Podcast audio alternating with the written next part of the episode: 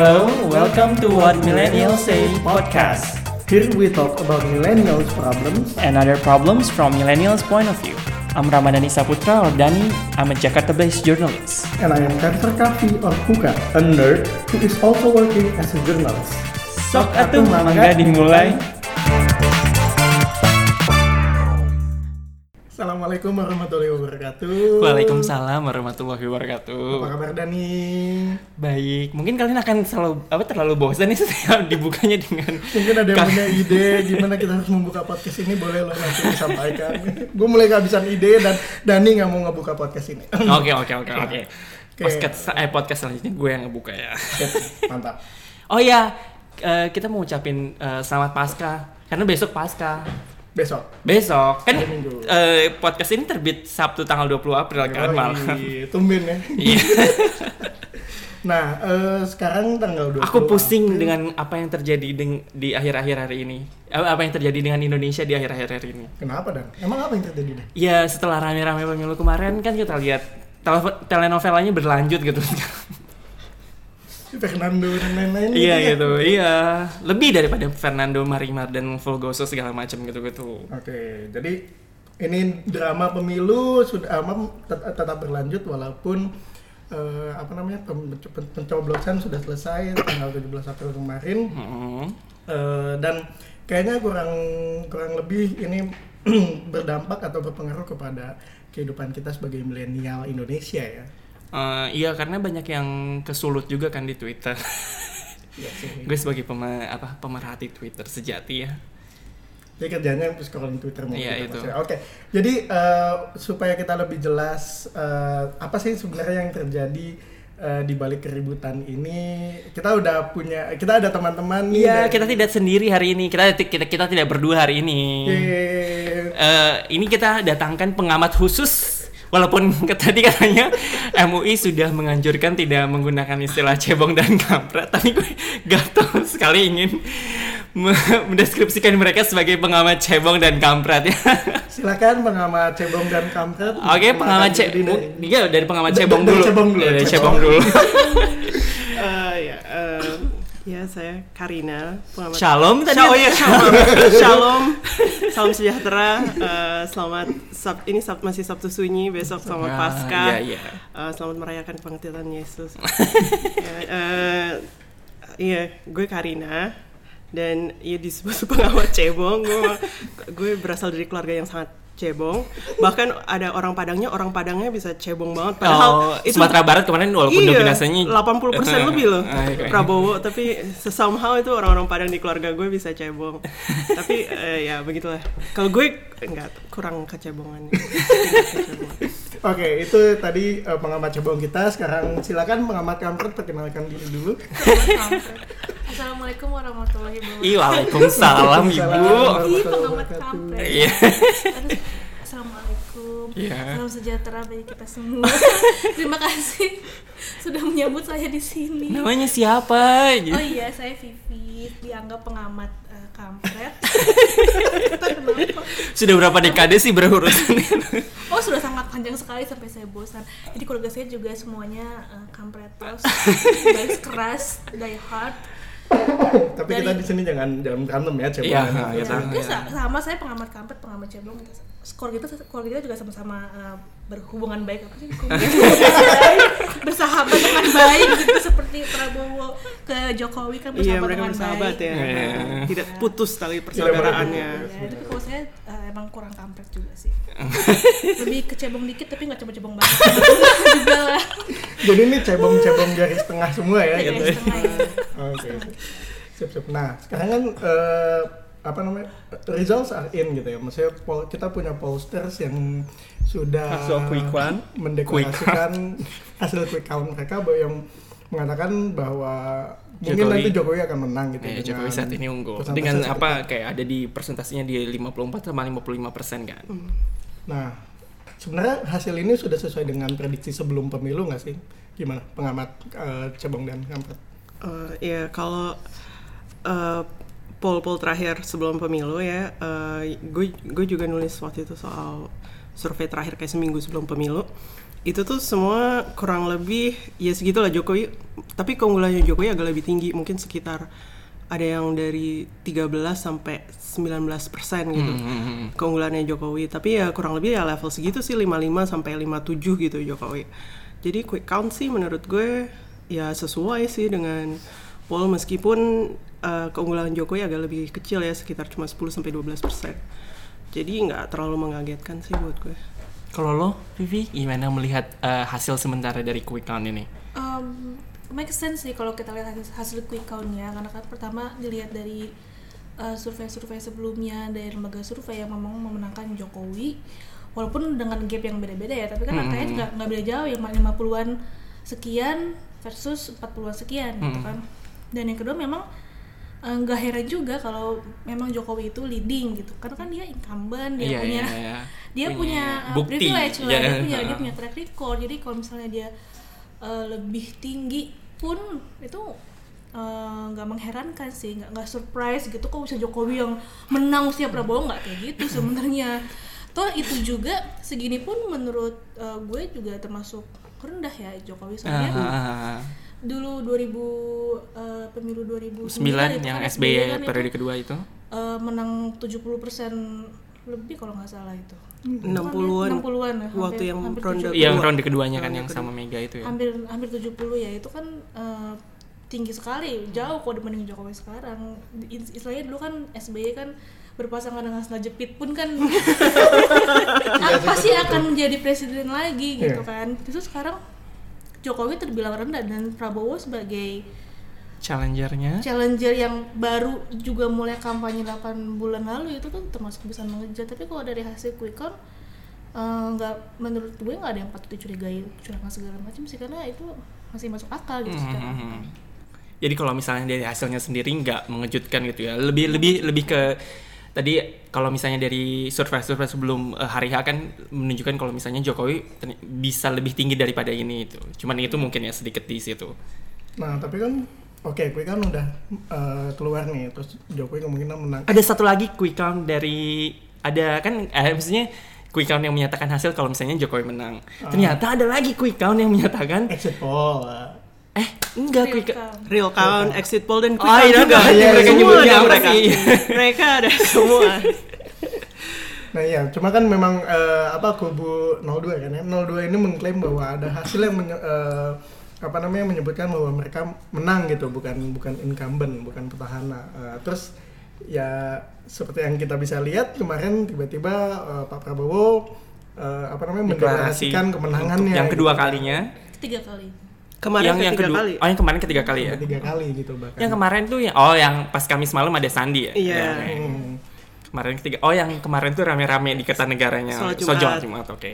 Nah, apa sih yang terjadi? Kenapa kenapa bisa sampai eh, apa namanya ada deklarasi, ada klaim kemenangan dari kedua belah pihak nih? Dari pengamat kampret mungkin? oh iya Kan lo ada di Jadi- sana. Gimana Jadi sih? sebenarnya trennya itu kita nggak nggak jauh beda ya mengulang apa yang terjadi di 2014 di mana Jokowi juga ketemu Prabowo, Prabowo juga saat itu mendeklarasikan kemenangannya duluan sebelum ada Mhm. eh, hasil resmi KPU kan. Dan ah- akhirnya begitu KPU menyatakan beliau kalah digugat ke MK tapi akhirnya kalah juga kan baru dia ba- baru dia mau datang ke pelantikan Pak Jokowi gitu kan.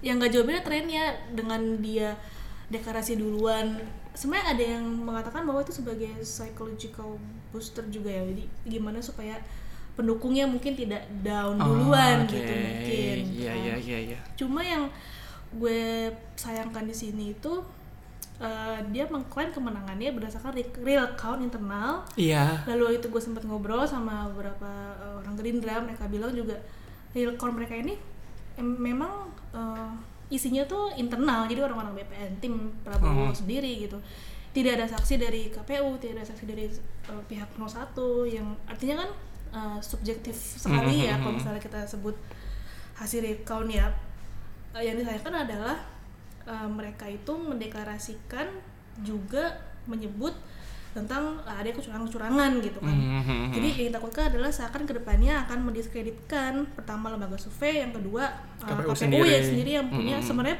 paling punya otoritas untuk Mhm. Kewenangan mengeluarkan hasil ini gitu ya. kan.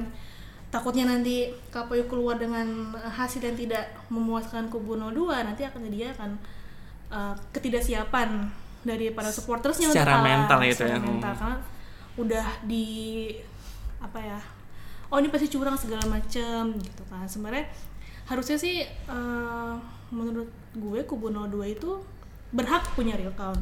Mm. partai lain pun punya real count sendiri-sendiri. Mereka membutuhkan formulir C1 dari segala eh, daerah TPS tapi eh, mungkin angka lebih baiknya kalau cukup pada akhirnya mereka mengajak para pendukungnya untuk tunggu aja eh, KPU hasil resmi tanpa KPU gitu. ya tanpa ada deklarasi apa pun. Karena menurut gue sebenarnya sejauh ini belum ada yang berhak untuk mendeklarasikan kemenangan karena belum ada memang hasil resminya gitu. tanggal 22 Mei nanti ya Tanggal baru. 22 Mei. Itu pun ada yang bilang kelamaan ya. Kelamaan memang karena manual kan Indonesia gitu. luas kali Indonesia luas. 800 ribu lebih sekian TPS dan KPU harus membentuk manual. Justru kita ketemu manual kan biar nggak ada kecurangan biar semua tuh valid datanya dibanding kalau electronic voting itu kan lebih bisa ada kayak Di-hack. sistem di hack kayak gitu itu kan justru kita hitung manual supaya lebih valid Mm. Hmm, Oke.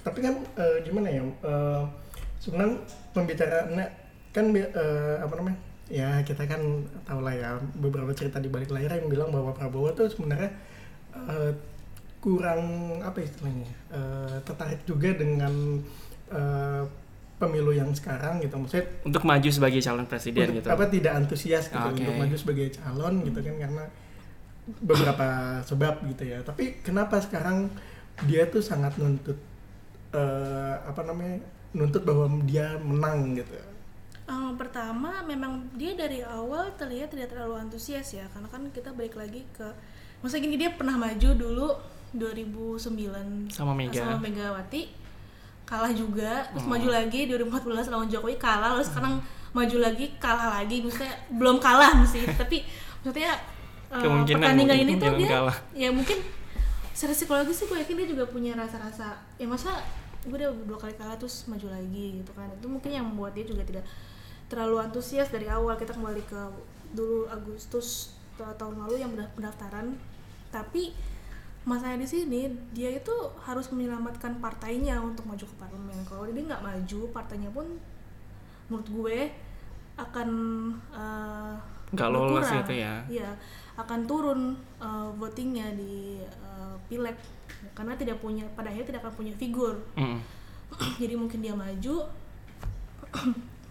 lalu menggandeng Sandiaga waktu itu sebagai eh, image milenial ya yang juga mungkin ya secara materi ya adalah gitu kan. Iya. dan mungkin sekarang juga eh, kenapa dia mendeklarasikan ya itu tadi menurut gua ada efek psychological booster juga untuk para pendukungnya. Dan eh, sepertinya memang ada ya gue nggak mau sujon cuma dari awal kampanye pun selama 8 bulan ini memang selalu ada wacana-wacana bahwa eh, KPU itu ya istilahnya dipegang oleh pemerintah lah kubu 01 gitu kan. Itu yang maksudnya itu wacana yang yang dibangun. disuarakan bang oh, ya yang oke. dibangun dari awal masa kampanye bahwa ada kecurangan dari kubu 01 dan KPU KPU kan karena sampai sekarang juga masih di bawah pemerintah lah ya. Jadi mereka bisa mm, me- memunculkan uh, wacana-wacana seperti itu. Lalu juga walaupun kita udah punya sistem MK untuk menggugat ya lagi-lagi MK pun juga kan di bawah pemerintah jadi kan mereka juga bisa menganggap oh udah KPU MK semua di bawah pemerintah udah nggak mungkin lagi bisa eh, meloloskan 02 ini gitu. Itu memang ada wacana seperti itu yang yang gue perhatiin dari selama gue meliput kampanye ini gitu kan. Eh, kalau kata-kata yang lebih lembut dari mendiskreditkan tuh apa ya? Kayaknya tuh kayak Gak usah Mendelegitimasi. lembut lah emang. Mendelegimasi ya. Legitimasi Lembut lah bukan ya. lebih lembut itu keras. ya sebagai lembaga-lembaga survei yang juga sekarang dari awal juga survei itu kan eh, dari awalnya stagnan juga ya nggak nggak tetap Jokowi itu leading Iya, gitu. iya, itu. dari mulai kampanye awal sampai sekarang pun tapi dari awal memang sudah berusaha untuk seperti hmm, apa ya dis- didiskreditkan gitu bahwa Hmm. ah, ini pasti mendukung Jokowi segala macam. padahal kalau kita lihat 2000 pil- pilkada DKI 2017 2017 ya, 2017 itu lembaga survei yang sama yang memunculkan Iya. survei-survei dan dan itu hasilnya langsung diterima kan sama tahun kubu ya, mereka. bahwa Anies menang gitu. Dan semua juga hasilnya sama semua gitu kan. Mirip-mirip dikit lah Hmm. sekitar eh, persentasenya. Dan ya apakah mereka mau bilang bahwa dulu juga Anies juga membayar lembaga-lembaga survei itu? Kan enggak gitu iya sih. Ya, harusnya apalagi lembaga survei itu kan punya metode ilmiah lah ya. Ya harusnya Prabowo sih kalau gua rasa memang hanya untuk apa eh, menjaga semangat pendukungnya. Eh, walaupun dia tahu bahwa sebenarnya eh, dia tidak setinggi 62% yang dia bilang itu. gitu. 62% dari 320 ribu 320 TPS. 320 ribu TPS cuma 40 persen dari total TPS seluruh Indonesia. Berarti Oh, ada 60 oke. persen lagi yang belum mungkin belum Ah. ada datanya. Dan 60 persen itu kan lebih tinggi gitu. Dari ah. Kalau 40 persennya dia menang, 60 persen Jokowi menang sama aja dong dia kalah sebenarnya. Hitung-hitungan itu kan hitung-hitungan matematika dasar. Jadi kan 60 persennya disumbar sama Aceh Iya, tuh. iya, yang di sini kan yang jadi jadi apa namanya? Jadi highlight banget kan soal Sandiaga mungkin ya. Yang mungkin dia juga tidak ikut terlihat tidak ikut ikutan Prabowo untuk mendeklarasikan victory. Gue sih pengen meluk Sandiaga rasanya hari ini. sedih. Gue kayaknya tiap episode bilang pengen meluk ini, pengen meluk itu. Tapi kalau Prabowo nggak pengen dipeluk ya? Eh, enggak, saya takut. Kenapa takut hilang? Iya, astagfirullahaladzim. Bukan aku yang ngomong ya, Pak. Eh, Oke, jadi eh, berikutnya yang mana nih? Nah, ini kan kita tuh lumayan dipusingkan ya sama quick count, real count, exit poll dan lain-lain. Mungkin eh, pengamat cebong karena mempunyai sedikit keresahan atau pandangan yang ingin Iya, di jadi soal itu. sebelum sebelum gue jadi jurnalis itu tuh gue akuntan. Jadi gue ini banget gue gemes banget kalau sama soal angka gitu ya. Statistik banget gitu ya Statistik anaknya. dan segala macam. Jadi soal jadi oke exit poll. Exit poll tuh salah satu yang eh, mungkin paling tidak bisa di tidak akurat ya. Karena exit poll tuh intinya jadi orang keluar TPS nih terus dia ditanyain sama orang eh, kamu pilih Jokowi atau Prabowo? Gitu. Nah dia bilang Jokowi dia bilang Prabowo. Kan bisa aja dia bohong kan. Bisa Ya. aja dia bilang oh Prabowo padahal dia pilih Jokowi itu sebaliknya. Nah itu exit poll. Kalau quick count itu itu berdasarkan C1 Hmm. tapi berda eh, kalau yang kemarin itu yang dilakukan lembaga survei itu mereka dari 2000 sampai 6000 TPS. Jadi ada yang 2000, ada yang kalau nggak salah indikator 3000, SMRC paling banyak 6000 TPS. Jadi mereka pakai sampel itu, mereka Itu lihat TPS C1-nya. seluruh Indonesia kan? Dari seluruh Indonesia. eh, mereka ambil pakai sampel itu terus mereka lihat C1-nya di input dan dari situ mereka dapat proyeksi kira-kira Jokowi berapa, Prabowo berapa. Dan itu kenapa quick count itu mereka bilang oh, mereka kayak pede banget. Ini hasilnya beneran segini. Itu karena mereka udah pakai metode sampling. Jadi eh, kalau misalnya tadi dibilang 320 ribu TPS, kan bisa aja tuh 320 ribu TPS di Sumatera semua. ya, itu- ya iyalah Jo- Prabowo iya mungkin memang benar menang 62 tuh di 30 320 ribu TPS itu. Tapi kalau yang eh, lembaga survei, katakanlah 2000 TPS, itu mereka sebarin kayak berapa di Jawa Barat, berapa di Jawa Timur, berapa di Papua, sesuai dengan populasi, sesuai dengan demografi kayak apa sebaran kota apa rural urban sosial umur budaya, gitu. gitu. mereka semua se- sesuai dengan populasi Indonesia sebenarnya gitu Oke, oke, oke. jadi sebenarnya ya menurut gue kalau sekarang sekarang kan real count katakanlah real count KPU tadi malam gue lihat tuh masih kayak 0, sekian persen ya mungkin baru satu persenan Ini gitu real count apa? Hmm, Oh, kalau real count, kalau real count itu hitungan total 800 sekian ribu TPS, C1-nya semua satu masing di data satu-satu dari semua 800 ribu TPS itu, terus itu berapa hasilnya. Jadi itu hasil benerannya lah, hasil totalnya lah ya, bukan dari sampel. Tapi kalau real count KPU sekarang ini kan baru sekitaran satu persen. Kan orang kan capek ya ngupload C1 itu itu satu persen tuh udah banyak padahal kayak 30 ribu TPS cuma cuma kan eh, dibanding 800 ribu tuh banyak kan. Terus eh, kawal pemilu juga baru 70 ribu TPS jadi kalau dilihat sekarang misalkan sekarang nih di kawal pemilu kayaknya terakhir gue lihat tuh Prabowo leading sedikit Iya, Prabowo leading sedikit tadi. Prabowo leading lihat. sedikit. Kalau di yang real count-nya KPU, Jokowi kayaknya masih leading. Nah itu tuh sekarang kalau lu lihat real count, real count tuh lebih misleading daripada quick count karena real count itu TPS-nya kan mereka bukan random, bukan bukan mereka sengaja pilih oh ini TPS ini, itu kan TPS sesuai dengan siapa yang upload duluan gitu. Oh, oke iya, iya. Jadi itu bisa aja misalnya tuh semua tadi gue lihat persentasenya ya yang di kawal pemilu sekilas, gue lihat tuh yang Jawa Barat tuh banyak. Jawa Barat sekitaran 15%, udah 15% TPS. Sementara yang Jawa Timur sama Jawa Tengah kurang dari 5%. Nah ya pantas lah kalau Prabowo menang kan Jawa Barat tuh itunya dia. Jawa Tengah kan nih Jawa Tengah kalau menurut quick count tuh sekitar 70% hampir Jokowi, Jokowi. semua. Jadi itu menurut gue untuk sekarang kayak seolah-olah banyak soalnya banyak yang gue lihat di TV dari kemarin tuh bukan dari kubu 02 aja ya. Jadi dari kayak dari orang kawal pemilu tuh siapa namanya? Ainun.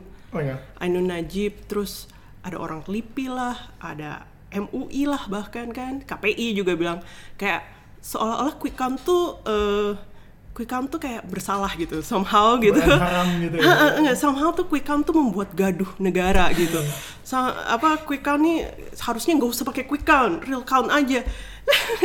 Kita dari pemilu 2004 juga ada Iya kita kan pakai kan. quick count semua kayaknya yang bikin gaduh negara bukan quick count ya. Jadi kayaknya tuh kayak menyalahkan menyalahkan statistik padahal yang membuat ini adalah cuma ya reaksi Prabowo kan sebenarnya. Dan kayak tadi Vivi bilang waktu Pilkada DKI 2017 yang ronde kedua itu kan eh, Anies menang tuh di quick count dan itu kayak baru sekian jam setelah TPS pada ditutup kan. Ya. Terus abis itu Ahok langsung konvers mengaku kalah dan apa siap bekerja dengan Anies. Di saat itu kok nggak ada yang bilang tunggu real count, tunggu real count gitu. Tunggu kita lihat hasil Gemas. penetapannya yang benar gitu. Terus semua langsung oke.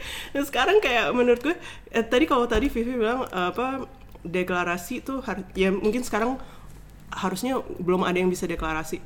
Kalau gue agak nggak setuju menurut gue hasilnya sebenarnya kan udah ada ya. Maksudnya ini sebenarnya udah ada pemenangnya. Hmm. Kan cuma belum dihitung aja semuanya. Dan belum disahkan. Dan kan belum disahkan. KPU kan. Tapi kan udah pada nyoblos kan, udah pada nyoblos. Ini udah ada yang menang dan menurut apa metode ilmiah yang udah teruji, yang menang adalah Jokowi. Jadi menurut gue sah-sah aja Jokowi mungkin nggak mau manas-manasin jadi dia nggak mau Yeah. kayak saya menang gitu ya. Hmm. Tapi menurut gue kalau dia bilang begitu juga nggak salah karena ya begitu. Oke. Santai dulu, santai Ya, dulu. ya. Minum dulu, kayak- minum, minum, minum, minum. Ah. Stat- ini kan angka gitu loh. Orang kok bisa nggak percaya matematika heran gue. Iya. Cuma kan eh, apa namanya klaimnya siapa kayak- kayaknya ada yang ngeklaim kan bahwa oh statistika ini sudah sudah dipermainkan atau apa kayak gitu-gitu kan. Ya, Klaimnya ini kan berapa? tuh? Misalnya ini 12 12 lembaga survei ya. 12 12-nya ini dan itu bukan lembaga survei. Misalnya Burhanuddin Muhtadi dia punya PhD dari luar negeri loh. Iya. Dia sering bekerja sama sama lembaga di luar negeri segala Dan Burhanuddin macam. Muhtadi juga yang bilang kalau misalnya kayak mengumpulkan eh, kayak real count dari count dari 320 ribu Iya, suara dalam kemarin. sehari itu Susah itu, ya, nggak susah mungkin banget. gitu kan. Iya orang kawal pemilu aja itu yang dari sekian dari publik luas ya bukan cuma saksi siapa. Itu cuma 70 ribu. Kok dia bisa udah 370 ribu? Hebat banget. Terus bahkan kalau kemarin yang Andre Rosiade bilang lebih dari 320 ribu loh. Udah kayak katanya 500 ribu lebih gitu terus iya iya kayak menurut gue mereka kan mempertaruhkan lembaga-lembaga survei ini kan mempertaruhkan kredibilitas mereka apa funding mereka segala macam kalau ini ta- ternyata salah sama sekali Iya. itu kan Nasib mereka hancur mereka, ya. mereka dibayar berapa coba sampai mereka mau mempertaruhkan segitu banyak Oke, siap siap siap. Jadi eh, ini setelah semua rusuh-rusuh ini kira-kira eh, Vivi eh, nanti ujung-ujungnya gimana nih untuk kam 02 atau eh, Prabowo? Eh, kalau kita lihat eh, mas- mungkin masih belum bisa diprediksi ya cuma kalau gue lihat sih bisa ada dua opsi gitu yang pertama akan mengulang seperti 2014 dulu ya dia kalau misalnya hasilnya tidak, membuat, tidak memuaskan 02 mereka pasti dan mereka juga sudah bikin statement bahwa mereka akan gugat ke MK gitu kan. Hmm. MK Jangan yang sampai ke jalan pun- lah, jangan sampai iya, MK yang mereka power. pun sudah Iya. mengkreditkan gitu kan kita eh, banyak pendukung-pendukung 02 yang gue survei, oh gue survei sih wah lembaga survei apa yang gue temuin lah yang nggak banyak di Kertanegara di Kertanegara pas lo ke sana. Ya mereka ya. kita kalau kita bilang kita berargumentasi silakan ke MK untuk bawa uh, gugatan ya mereka juga tetap akan bilang bahwa MK ah percuma MK pun sudah punya pemerintah seperti itu kan. Mm-mm.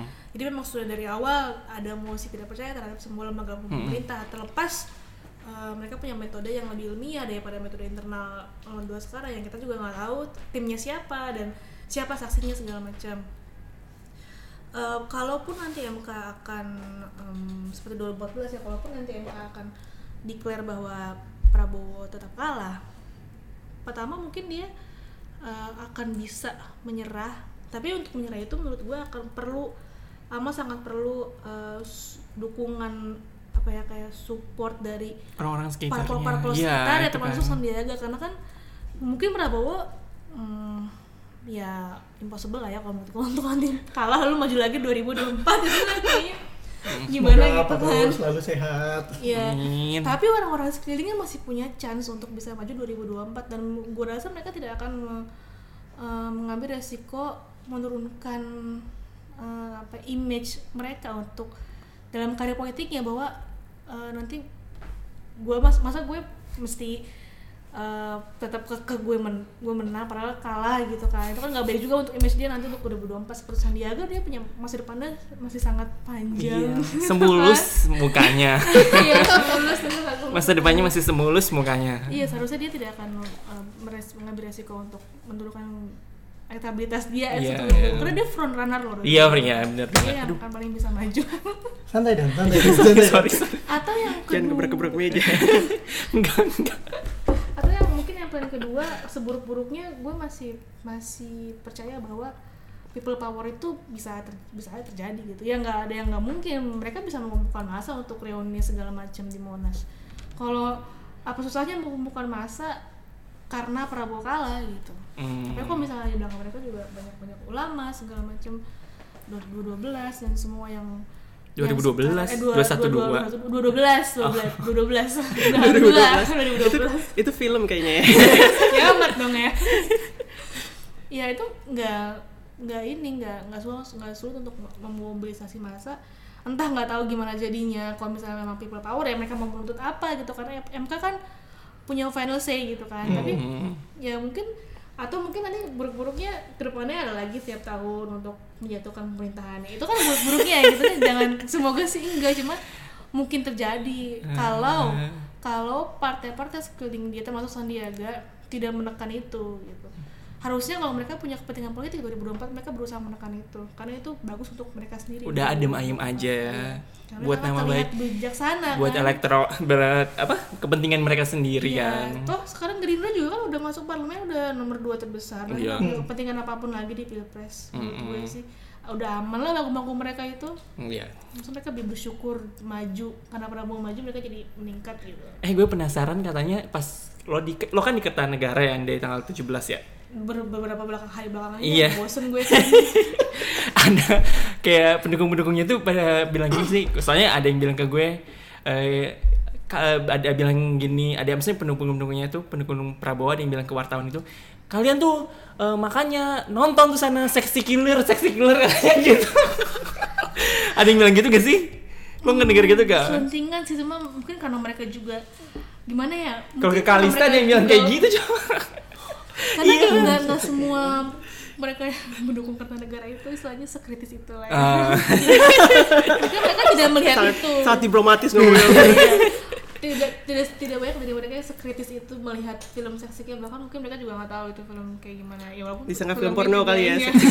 Seksi. gila itu Amerika itu tapi ya mereka tuh kebanyakan hanya me- me- apa me- menggugat eh, media-media yang most of them itu menggugat media-media yang menampilkan quick count gitu. Ini media ngapain sih nampilin quick bahkan mereka bilang ah itu eh, seharusnya udah nggak usah ada TV lagi tuh yang lain quick count kayak gitu-gitu ya. Ya gimana? Mereka juga sebenarnya punya hak untuk soal demikian tapi eh, ti- walaupun ke sana nggak ilmiah juga lah ya kayak gitu. Oke, sip. Nah, eh, oke, tadi kan Karina udah bilang ini sebenarnya Jokowi udah menang ya, udah berdasarkan statistik, berdasarkan matematik dan lain-lain. Eh, what's next for uh, Jokowi dan Apa yang akan terjadi?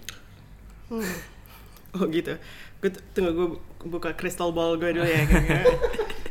Iya, ya. ada.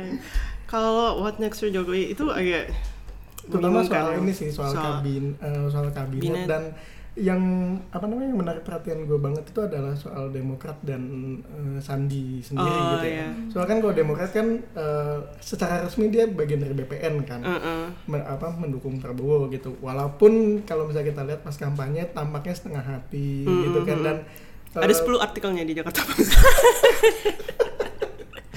Itu kayak eh, eh, artikelnya kayak gak memberikan dukungan terus reiterate terus Iya, iya, iya, kayak maju mundur gitu.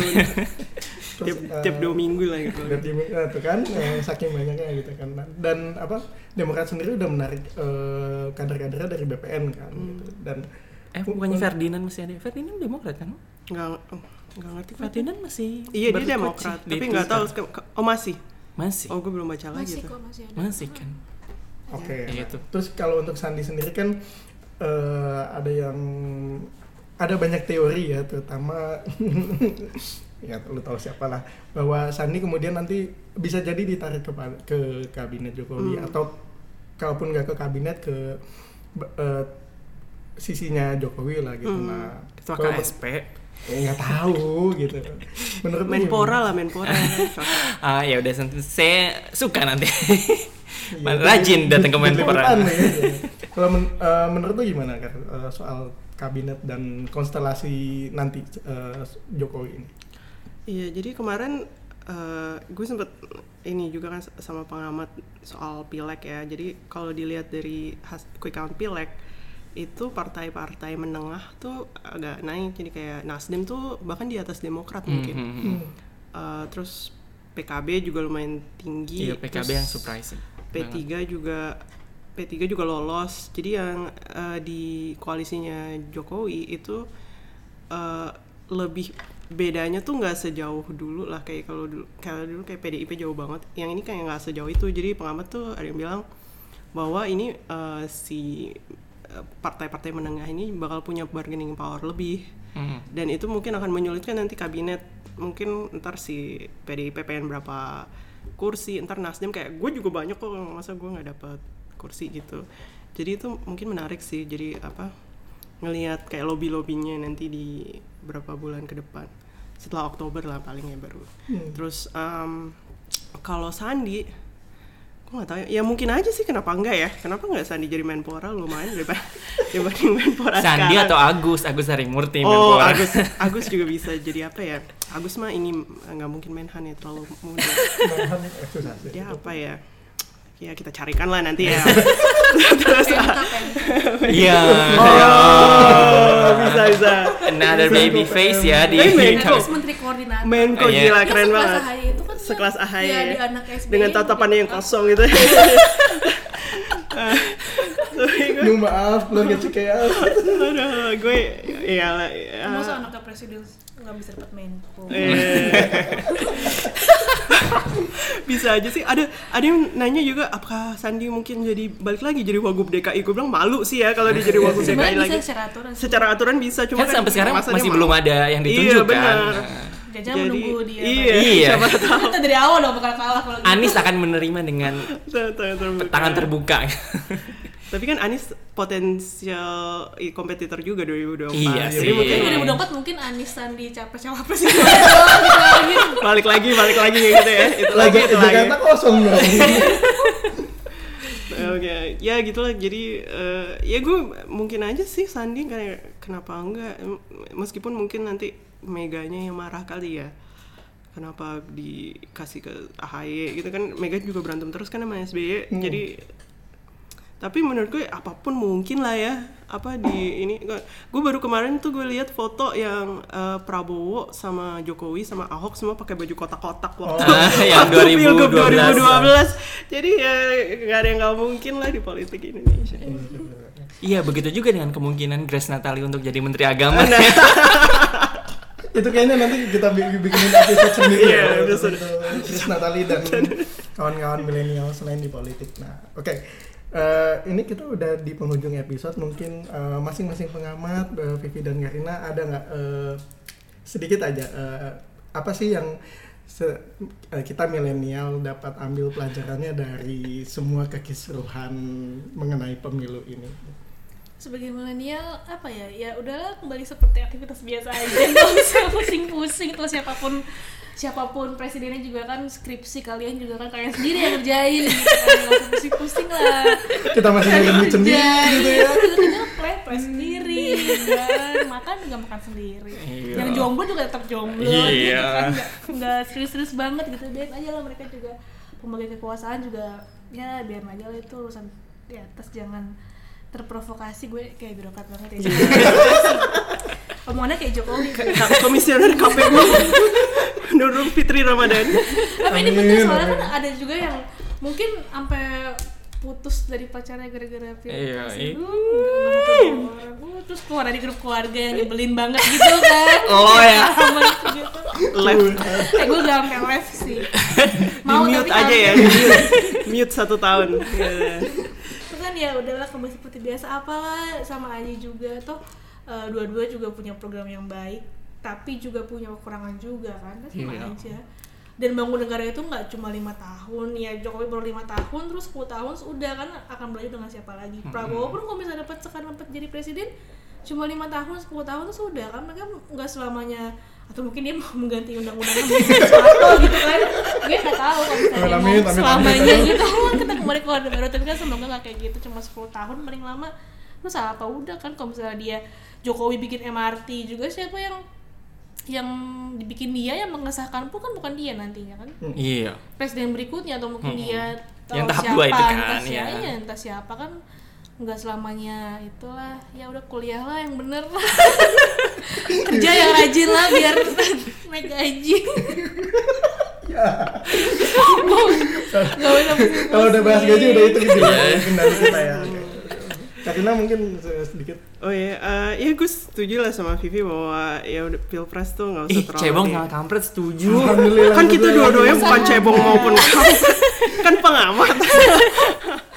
Kalau eh, gue eh, satu lagi tuh kalau misalnya kalau kalian tahu-tahu jadi tertarik politik gara-gara pilpres terus Iya. kayak nafsu banget gitu ha- yang harus dikawal kawal lagi itu eh, lebih di DPR sebenarnya karena Iya. semua yang membuat undang-undang tuh DPR sebenarnya jadi presiden di Indonesia tuh kekuatannya nggak nggak begitu besar dibanding misalkan di Amerika gitu. Kekuatan eksekutif itu tuh nggak terlalu besar. Jadi semua tuh undang-undang yang akan me- mengatur hidup kita sampai tak bertahun-tahun ke depan tuh ada di DPR. Jadi yang harus dilihat tuh ya kayak RUU RUU yang aneh-aneh di DPR kayak mana RUU permusikan mau dibikin uji kompetensi lah Warna hijau, hijau. RUU RUU apa pe- anti kekerasan seksual Yang nggak lolos lolos. yang kan? nggak lolos lolos karena orang aduh PKS, aneh banget gitu dan penghapusan itu itu satu seksual. episode lagi kali ya Iya, terus dan uh, belum KUHP yang tiap tiap Agustus katanya oh ulang tahun Indonesia akan diberikan nggak jadi jadi jadi yang itu kayaknya yang le- uh, lebih baik apa tenaga dan usaha dan emosinya tuh untuk Ya. melihat itu dibanding kayak cebong kampret cebong kampret lagi gitu gitu Iya, siap, siap. Dia tuh disimpan tenaganya buat mengawal eh, apa pemerintahan kita untuk lima tahun ke depan ya. Hmm, ya proses legis- legislasi dan lain-lain eh, UU dan lain sebagainya. Oke. Dan ini mungkin ada yang mau di ini lagi? Enggak sih aku sudah dirangkum oleh Karina dan Vivi. Oke. Sudah satu suara dengan mereka. Hmm, cebong juga ya. Oke, eh, terima kasih pengamat cebong dan kampret eh, Vivi dan Karina atas kesediaannya hadir di episode kali ini. Eh, mungkin segitu dulu aja. Mungkin Eh, kita eh, akan mengundang mereka lagi untuk mengobrol eh, kalau ngobrol soal politik lagi mungkin ya. pasti pasti atau ya mungkin Vivi punya cerita lain yang mau di share soal apa pun itu nanti bisa lah. Oke. Eh, terima kasih Karina dan Vivi. Terima kasih, Karina dan sampai Vivi. ketemu di lain kesempatan dan untuk eh, teman-teman pendengar juga sampai ketemu di episode selanjutnya. Dadah. Dadah. Ya. Dadah. Dadah.